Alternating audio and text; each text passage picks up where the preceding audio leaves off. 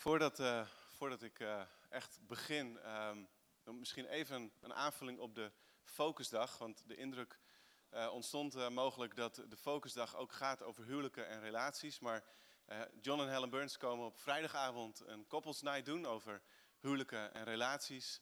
er zijn al 27 stellen, geloof ik, 26, 27, die zich hebben aangemeld. Dus het loopt vrij snel vol.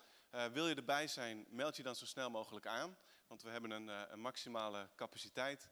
En um, dan die zaterdag, die, die, is eigenlijk gewoon echt een dag wat gaat over de speerpunten die we als gemeente hebben. Daar willen we ons op focussen voor leiders, voor uh, mensen die een, iedereen die een taak heeft, voor de hele gemeente, voor andere mensen die geïnteresseerd zijn. Dus nodig ook uh, ja, mensen uit die misschien niet deel zijn van deze gemeente, maar ook ervan houden om de kerk te bouwen, om mensen te bereiken.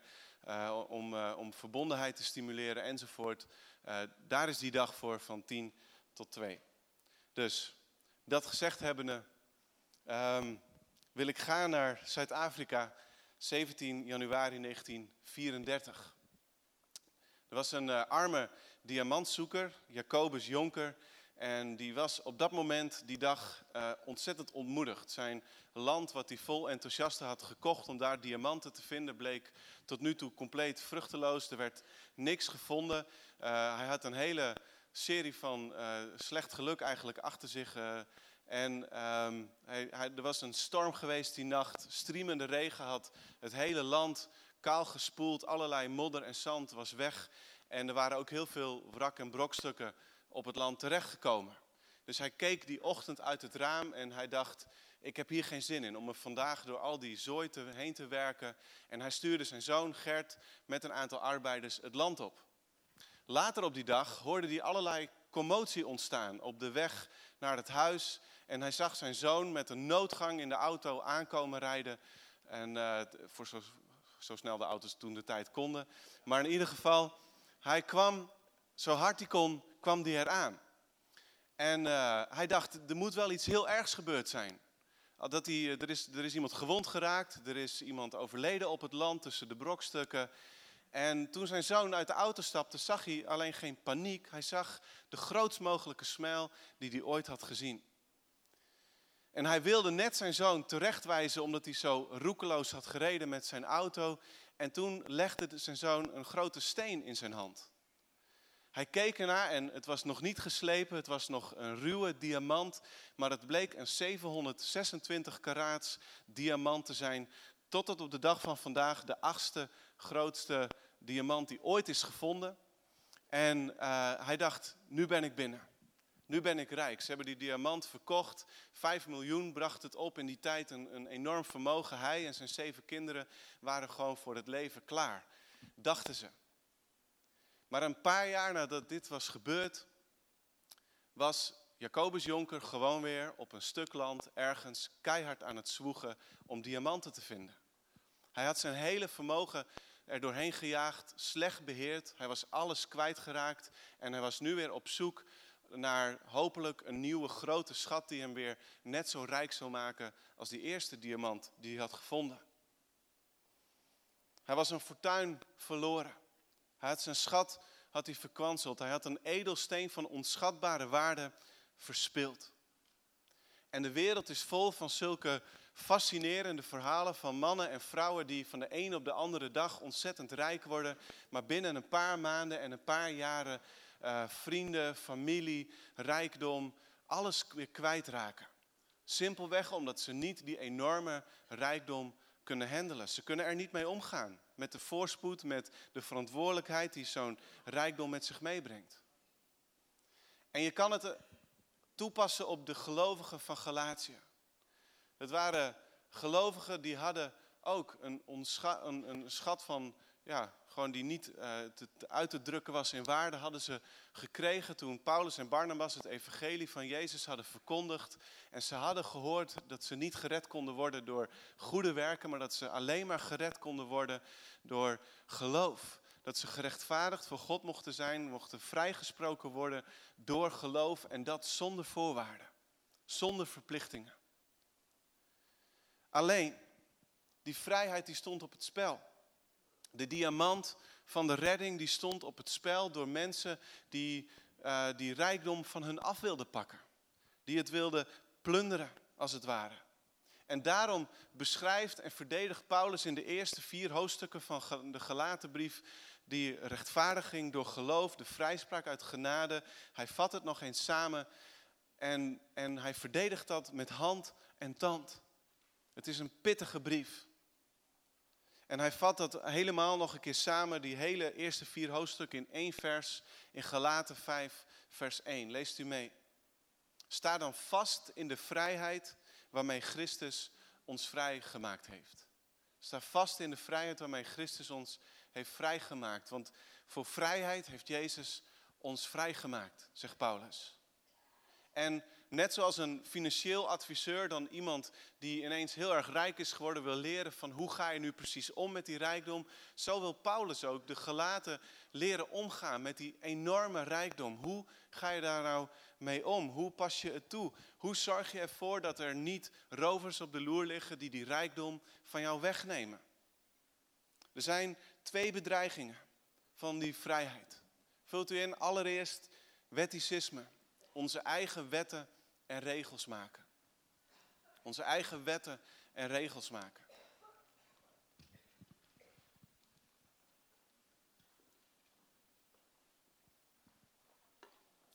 Nogmaals, Paulus zegt, Christus heeft ons bevrijd, opdat wij in vrijheid zouden leven. Houd de stand en laat u niet opnieuw een slavenjuk opleggen. Vanaf vers 4, als u probeert door God als een rechtvaardige te worden aangenomen door de wet na te leven, bent u van Christus losgemaakt en hebt u Gods genade verspeeld. Want door de geest hopen en verwachten wij dat we op grond van geloof als rechtvaardigen worden aangenomen.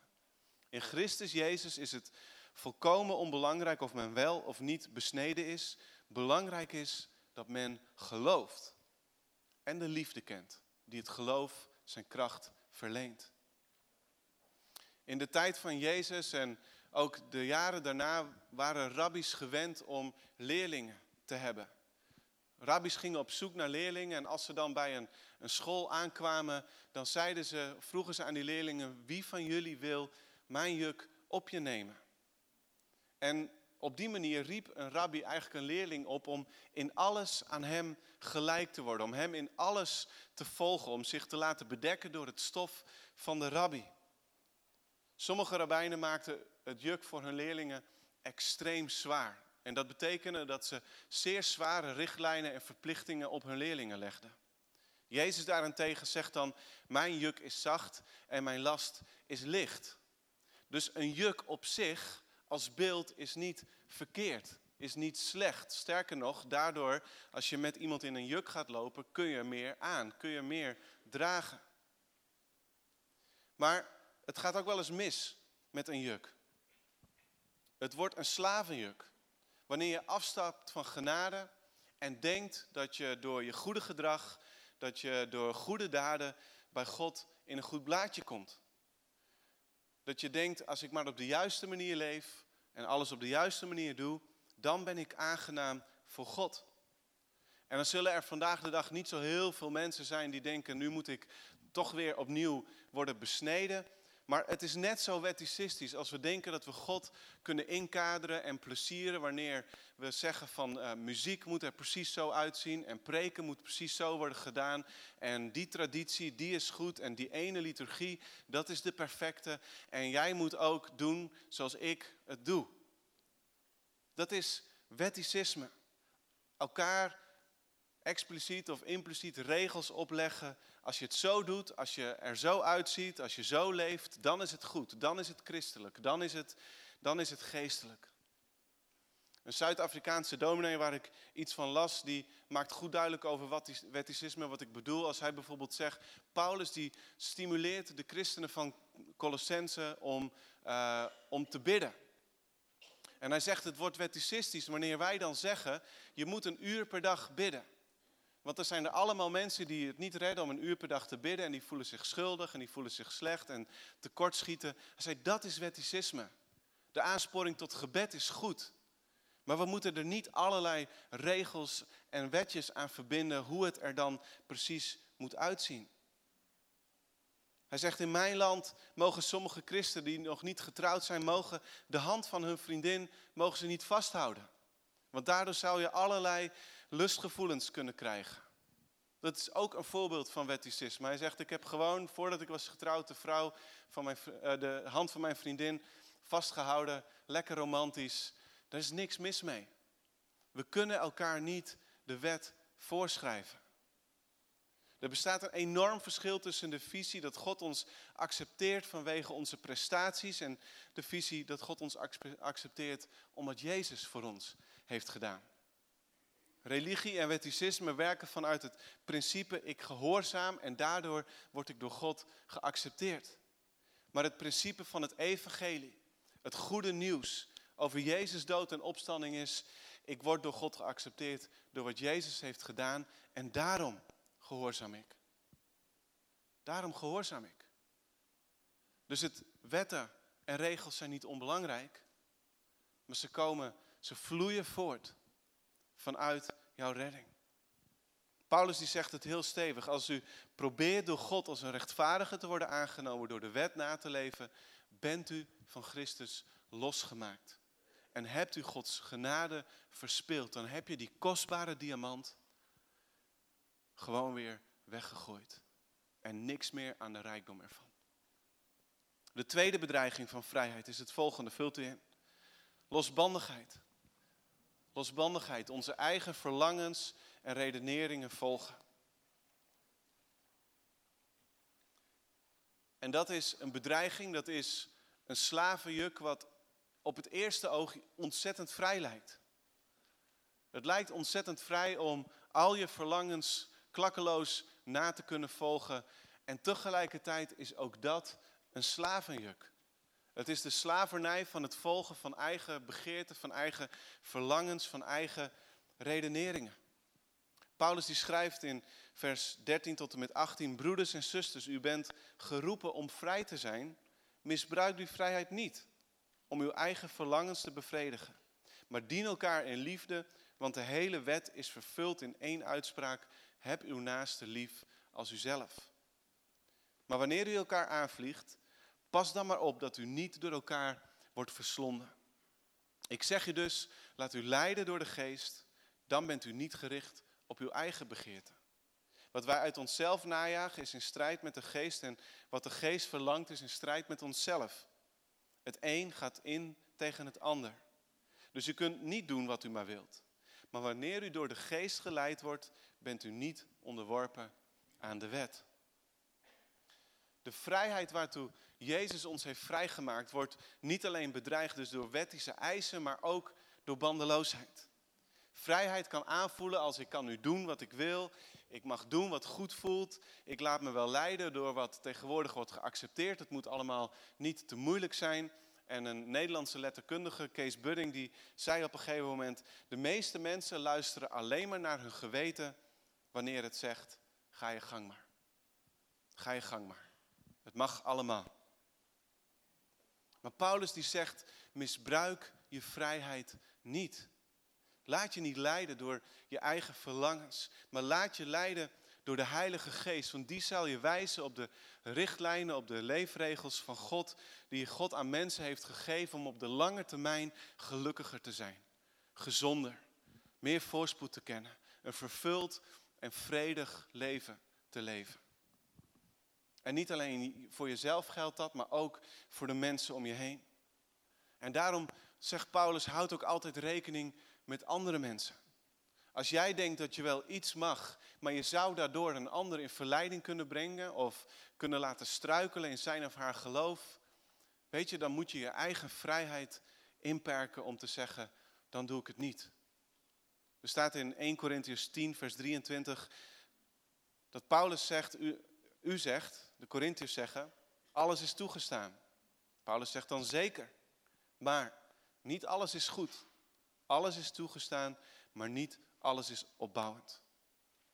Dus vrijheid moet leiden tot een opbouwend leven. Echte vrijheid leidt niet tot ik kan doen wat ik wil of alle remmen mogen nu los, maar het leidt als het goed is tot opbouwende, dienende liefde. Dus er zijn twee tegenovergestelde manieren om de rijkdom van die prachtige diamant van genade, van gerechtigheid door geloof, om die te verspillen. Wetticisme en losbandigheid. Nou, laten we nu met elkaar gaan kijken naar hoe dan de levensstijl van echte vrijheid eruit ziet. Leest u mee, vult u in. De levensstijl van echte vrijheid. Die wordt gekenmerkt door van theorie naar praktijk, van hoofd naar hart en van beleiden naar doen.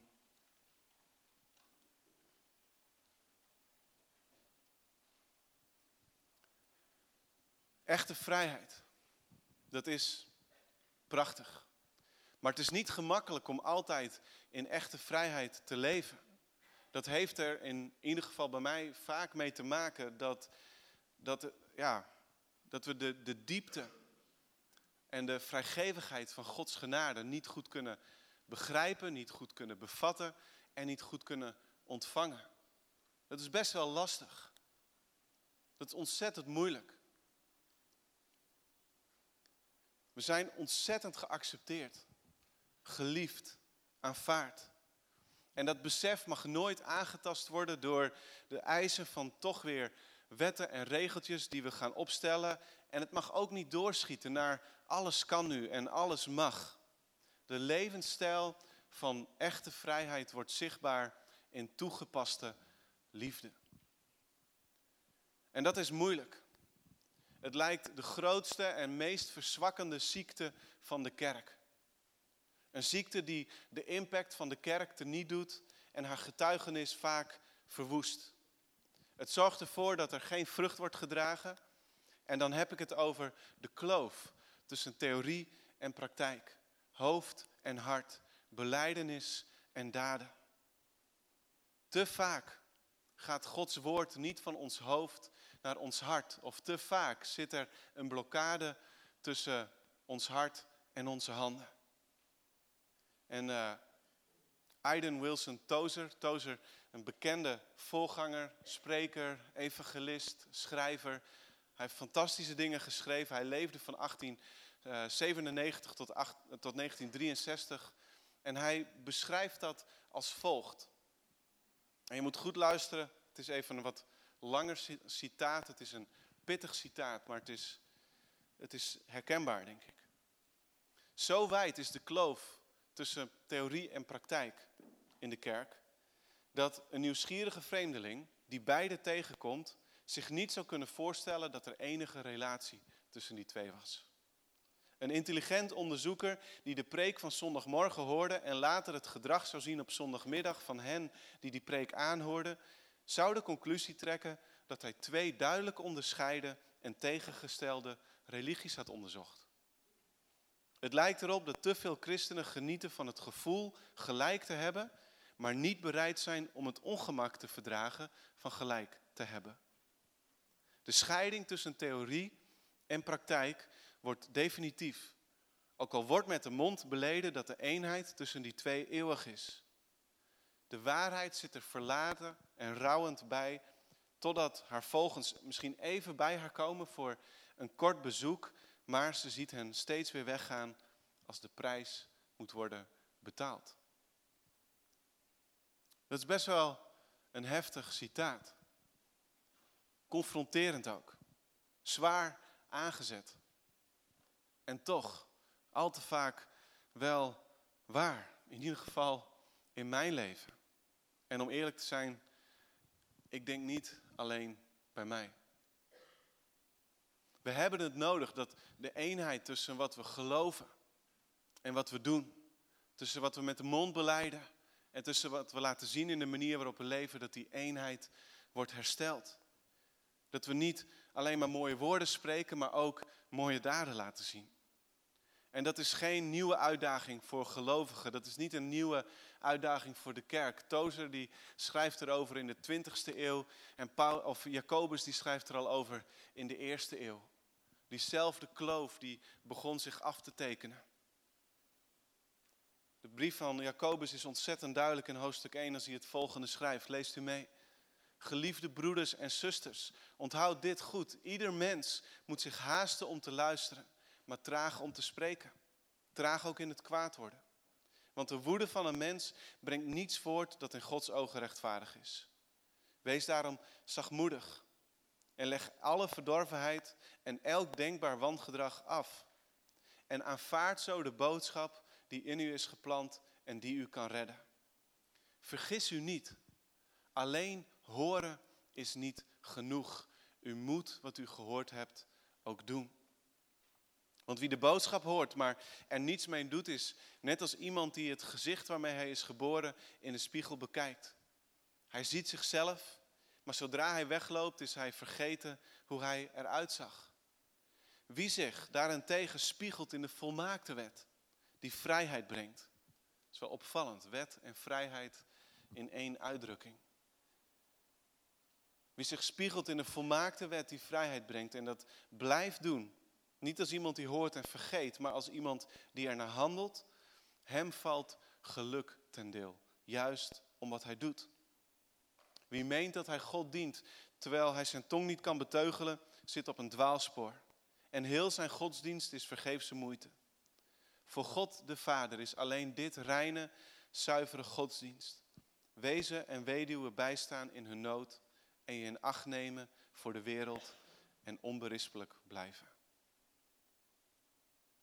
In de kern staat er, vergis u niet, alleen horen is niet genoeg. Horen is wel belangrijk. Maar als je het hebt gehoord, dan moet je het ook doen. Het nieuwe wat God gedaan heeft in Jezus is dat we niet meer gered worden door ons te houden aan de wet.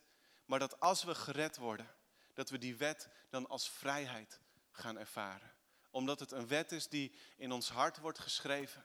En waardoor we een, een verlangen ontwikkelen om Gods richtlijnen, Gods leefregels, om die uit te leven. Dus we zijn niet alleen maar vrij van iets, van de slavernij, van schuld, van zonde. We zijn ook vrij tot iets. We zijn vrijgemaakt voor iets.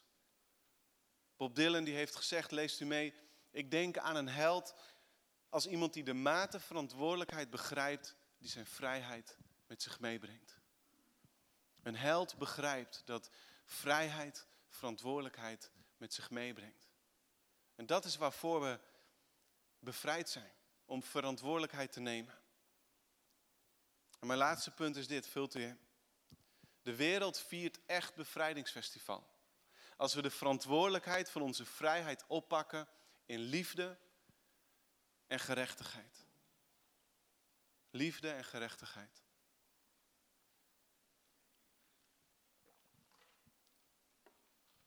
Het is vandaag 5 mei. En we vieren dat 5 mei 1945 dat dit land is bevrijd van een vrede onderdrukker. Dat er een einde kwam aan allerlei verschrikkelijke wandaden en ellende.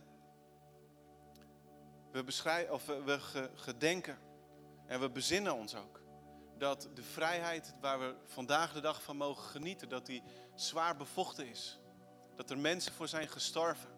En dat die vrijheid ook niet vanzelfsprekend is. En dat die ook niet zomaar in stand wordt gehouden. Er zijn 14 bevrijdingsfestivals in het land. 200 artiesten die optreden vandaag. En ik weet niet hoe het jullie vergaat als je op bevrijdingsdag door de stad loopt. Ik geniet er altijd enorm van. Iedereen is blij. Iedereen is vrolijk. Iedereen geniet. Iedereen heeft plezier. Er is zoveel leuks te doen en te zien. Er is te genieten van prachtige muziek. En toegegeven, er wordt ook wel eens wat te veel bier gedronken. Maar ik denk dat iedereen ook wel snapt wat ik bedoel. Je wordt best wel blij als je op bevrijdingsdag door de stad loopt. En iedereen is iets vriendelijker voor elkaar. Iedereen is iets aardiger voor elkaar. En het is geweldig dat we dat mogen vieren. Maar het is goed om op bevrijdingsdag vandaag ons ook te bezinnen op de vrijheid waarvoor Jezus ons heeft vrijgemaakt. De vrijheid om de ander hoger te achten dan jezelf. De vrijheid om soms je eigen vrijheid op te geven, zodat die ander niet struikelt of onzeker wordt of het geloof verliest. De vrijheid om elkaar te dienen in liefde en in gerechtigheid. Wereldwijd leven er zo'n 40,3 miljoen mensen in slavernij. In 2016 waren dat in Nederland 30.000 mensen die als moderne slaven leefden. In Leeuwarden zijn het er honderden. Je ziet het in prostitutie, maar ook in landbouw, in horeca, in schoonmaakwerk, in huishouding. Mensen die leven als slaven. Mensen die niet vrij zijn. Mensen die slachtoffer zijn van mensenhandel, ontvoering. Maar ook asielzoekers en arbeidsmigranten zijn heel vaak slachtoffer van deze vorm van uitbuiting, misbruik, mishandeling en geweld. En of je het nou hebt over slavenhandel, armoede, eenzaamheid, psychische en lichamelijke ziekte, dak- en thuisloos zijn, lijden aan zinloosheid, onzekerheid, gebrek aan eigenwaarde, verlies, scheiding. Mensen in onze steden, onze dorpen, in onze wijken, in onze straten, die lijden, die hebben verdriet, die hebben pijn. En dat gebeurt over de hele wereld. En we kunnen niet alles oplossen. Maar we kunnen wel iets oplossen. We kunnen niet iets doen aan alles wat we zien op tv en in onze eigen omgeving. Maar we kunnen wel één, twee of drie dingen kiezen waarvoor we iets kunnen doen. Met ons geld, met onze handen uit de mouwen, met onze gebeden, met het creëren van betrokkenheid of bewustwording onder mensen die, ja, die eraan voorbij leven en die er geen idee van hebben. En ik zie in mijn eigen leven nog maar al te vaak die kloof tussen theorie en praktijk. Tussen hoofd en hart, tussen beleiden en doen. En tegelijkertijd zijn er allerlei momenten waar die kloof even wordt overbrugd. En waarvan ik mag ervaren, het is zo ontzettend mooi wanneer mijn geloven zich uit in doen. Wanneer ik doe wat Jezus van mij vraagt en wat Hij heeft voorgeleefd. Op dat moment ontstaat er in allerlei opzichten echte vrijheid. Op dat moment is er echt iets te vieren. En wordt niet alleen jij blij, wordt de ander ook blij. Wordt iedereen blij.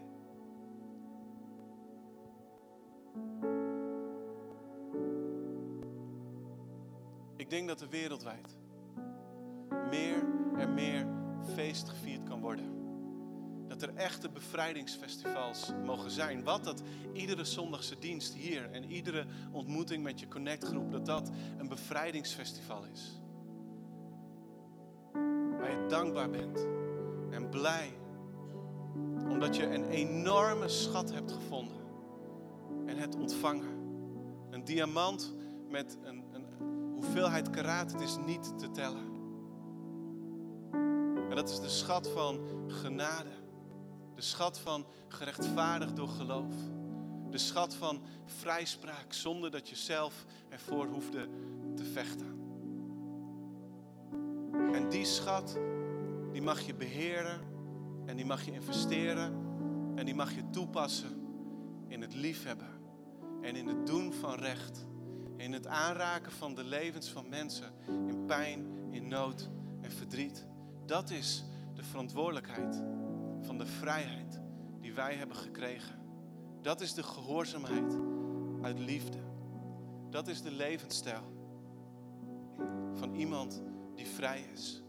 Met als gevolg een bevrijdingsfestival van een ander niveau. Van een hoger level.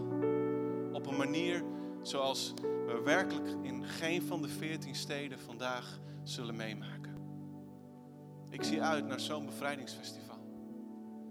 Ik zie uit naar de vreugde van het handelen in liefde en met de woorden van de vierde musketier met golven van gerechtigheid de wereld over mogen, over mogen gaan.